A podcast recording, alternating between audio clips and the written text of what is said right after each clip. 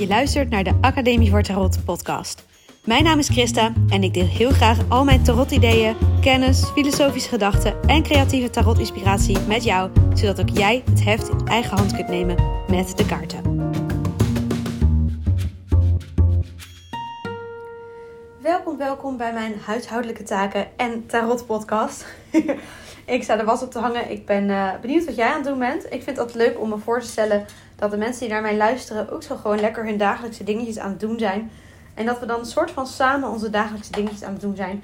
Terwijl je hier naar luistert. Dus misschien sta je ook wel de was op te hangen. Dat zou wel, uh, wel toevallig zijn. Um, lijkt me grappig. Als het zo is, laat het me weten. Lijkt me, lijkt me heel leuk om uh, van iemand deze berichtje te krijgen met... Hey, je zei dat je was op te hangen. En dat was ik ook aan het doen. Nou, misschien ben ik de enige die daar de humor van inziet. Maar hey. Oké. Um, oh ja, ik ga proberen iets rustiger te praten.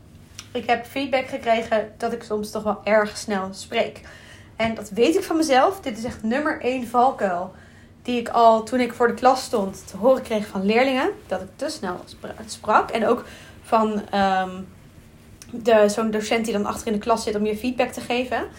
Dus het gaat te snel. Ik kreeg toen als tip om, um, toen ik voor de klas stond, om aan één leerling te vragen van... hey, als je vindt dat ik te snel spreek, dan uh, spreken we een teken af. En dan moet jij dat tekenen, bijvoorbeeld een vuist in de lucht steken of iets dergelijks. Dan geef jij dat tekenen en dan weet ik dat ik weer even langzamer moet praten. Nou, dat werkte toen best wel goed. Maar als ik nu een podcast aan het opnemen ben, dan kan dat natuurlijk niet. Want ja, jullie als publiek heb ik niet voor mijn neus. Dus dat is uh, een beetje jammer. maar ik zal proberen af en toe aan die leerling te denken en dat beeld op te roepen. Van die leerling die zegt: Mevrouw, het moet echt wat langzamer, want ik snap het niet meer.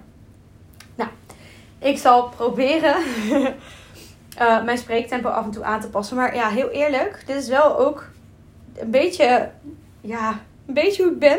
Sorry. Uh, wat volgens mij kun je trouwens wel zelf ook mijn tempo langzamer zetten van een podcast. Kan dat? Volgens mij wel. Dat je zegt, speel hem langzamer af. En dan uh, ja, kun je hem helemaal in je eigen tempo luisteren. nee, maar goed. Ik zal proberen er een beetje op te letten. Ik wil het vandaag hebben over je afstemmen op de energie van een kaart. En um, dat is iets wat ik uh, graag doe als ik een specifiek doel voor ogen heb en een specifieke kaart die daarbij past. Um, om een voorbeeld te noemen, ik heb zelf een tijdje gewerkt met, zoals ik dat dan noem, de uh, koning van bekers. En de koning van bekers stond op dat moment voor mij voor um, ja, iets verstandiger omgaan met je emoties en je emoties wat beter reguleren. En niet je emoties wegstoppen, maar wel ze van een afstandje kunnen bekijken en ook kunnen relativeren. Ik denk dat dat het vooral was. Kunnen relativeren van, oh ja, deze emotie die komt nu op. Uh, heel even de tijd nemen, hoe wil ik hierop reageren? De, de, de mannelijke koning is daar denk ik wat beter in dan de koningin. De koningin laat zich wat meer meeslepen door haar gevoelens. En de koning die is iets meer in controle daarover. En die is iets meer van, oké, emoties zijn wel degelijk heel belangrijk. Hè? Het is niet zo, de koning van bekers is de koning van de emoties. Dus hij is niet uh, zoals bijvoorbeeld de koning van zwaarden. Iemand die dan de emoties aan de kant zou, zou gooien. Nee, wel het omarmen van de emoties. Maar iets meer ja, rust ervaren. Dat was een aantal jaar geleden dat ik daarmee worstelde en daar iets mee wilde doen. Wat ik toen gedaan heb, is die koning op verschillende plekken in mijn huis neergezet. Ik heb hem uit sommige decks gehaald. Ik moest die decks vervolgens wel natuurlijk even apart houden van, oh ja, deze zijn nu niet compleet. Maar ik heb dus echt ervoor gekozen om uh, fysiek de, de koning hier en daar in mijn huis neer te zetten, zodat ik aan hem herinnerd zou worden. En ik heb verschillende momenten gepakt waarop ik me heb afgestemd op de energie van de koning. En daarmee bedoel ik dat je de tijd neemt om um, eigenlijk in een soort meditatie stil te worden en je af te vragen hoe is deze koning? Hoe kan deze koning een voorbeeld voor mij zijn? Uh, dat kan op verschillende manieren. Je kunt zeg maar de stilte opzoeken en uh, daadwerkelijk uh, meditatie ingaan. Je verbinden met de koning via meditatie. Um, in mijn grip op de hofkaartencursus heb ik ook een aantal meditaties zitten waarin je je verbindt met de verschillende hofkaarten. Omdat ik het een hele fijne methode vind om wat dieper uh, ja, de, de energie van een kaart echt te voelen. Ik, weet, ik bedoel, ik bevind me nu misschien wat meer op het... dit is de meer zweverige kant van mij, denk ik.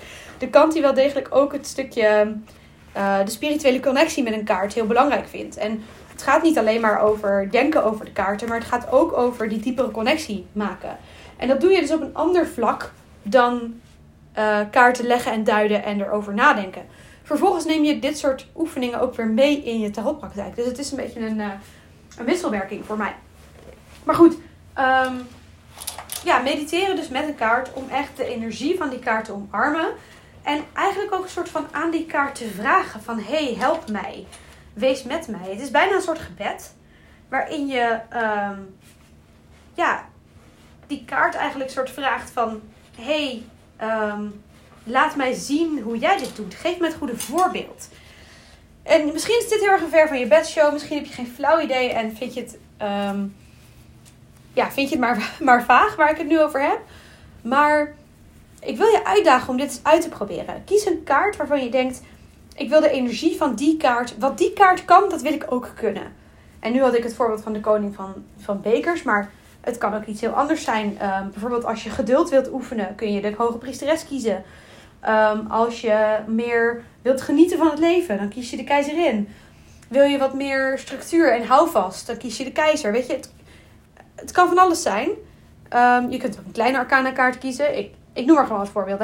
Kies een kaart waarvan jij denkt, ik wil de energie van die kaart meer ervaren in mijn leven. Ik wil me verbinden met wat die kaart mij te leren heeft. Met de wijsheid van die kaart.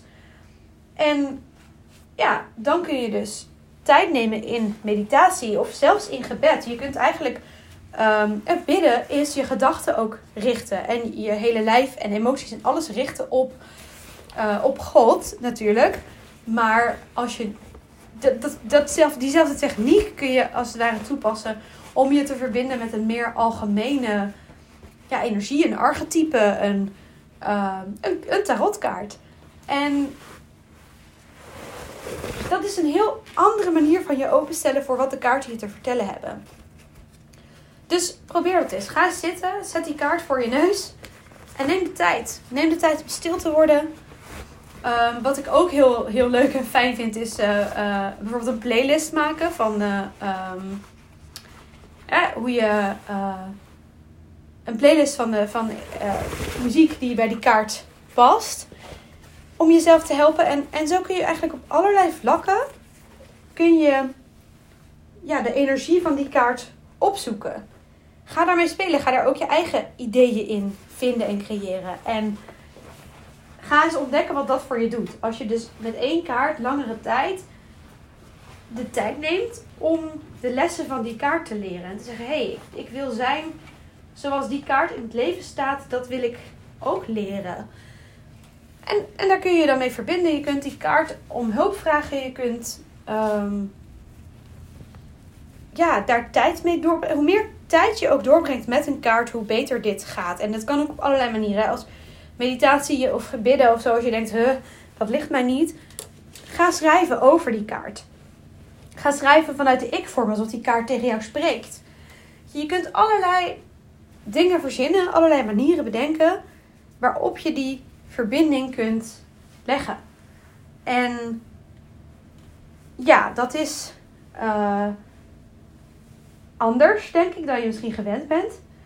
Maar het brengt je echt wel op een, op een dieper stuk. Um, ja, het brengt je op een dieper level met de kaarten. Dat denk ik echt. Als je de tijd neemt om met één kaart op die manier te werken. En ja, Um, nee, ik, ik, zit even te denken, wil ik daar nog meer, nog meer over zeggen. Maar dit is, dit is denk ik de, de kern. Dat als je je wilt verbinden met een kaart, als je wil leren van een kaart, dan kun je dat dus op een andere manier doen dan hè, door die kaart te trekken en tegen te komen in een duiding. Waar je ook die kaart soort van tot je laat spreken, maar het is een heel ander gevoel, een heel andere intentie. En ja, een heel andere manier van werken. Dus um, ik hoop dat je me inspirerend vond. En dit is hoe je, ja, hoe je je kunt verbinden met de energie van een kaart. heel veel plezier. Ga dit uitproberen. Ga lekker spelen. En laat me weten. Laat me weten als je dit hebt gedaan en als het voor je werkt. Of als je denkt, hé Christa, waar heb je het over? Ik snap dit niet. Ehm, dan hoor ik het ook heel graag. En ehm, ja, ik hoop dat ik je heb geïnspireerd, op ideeën heb gebracht. Alright, tot de volgende.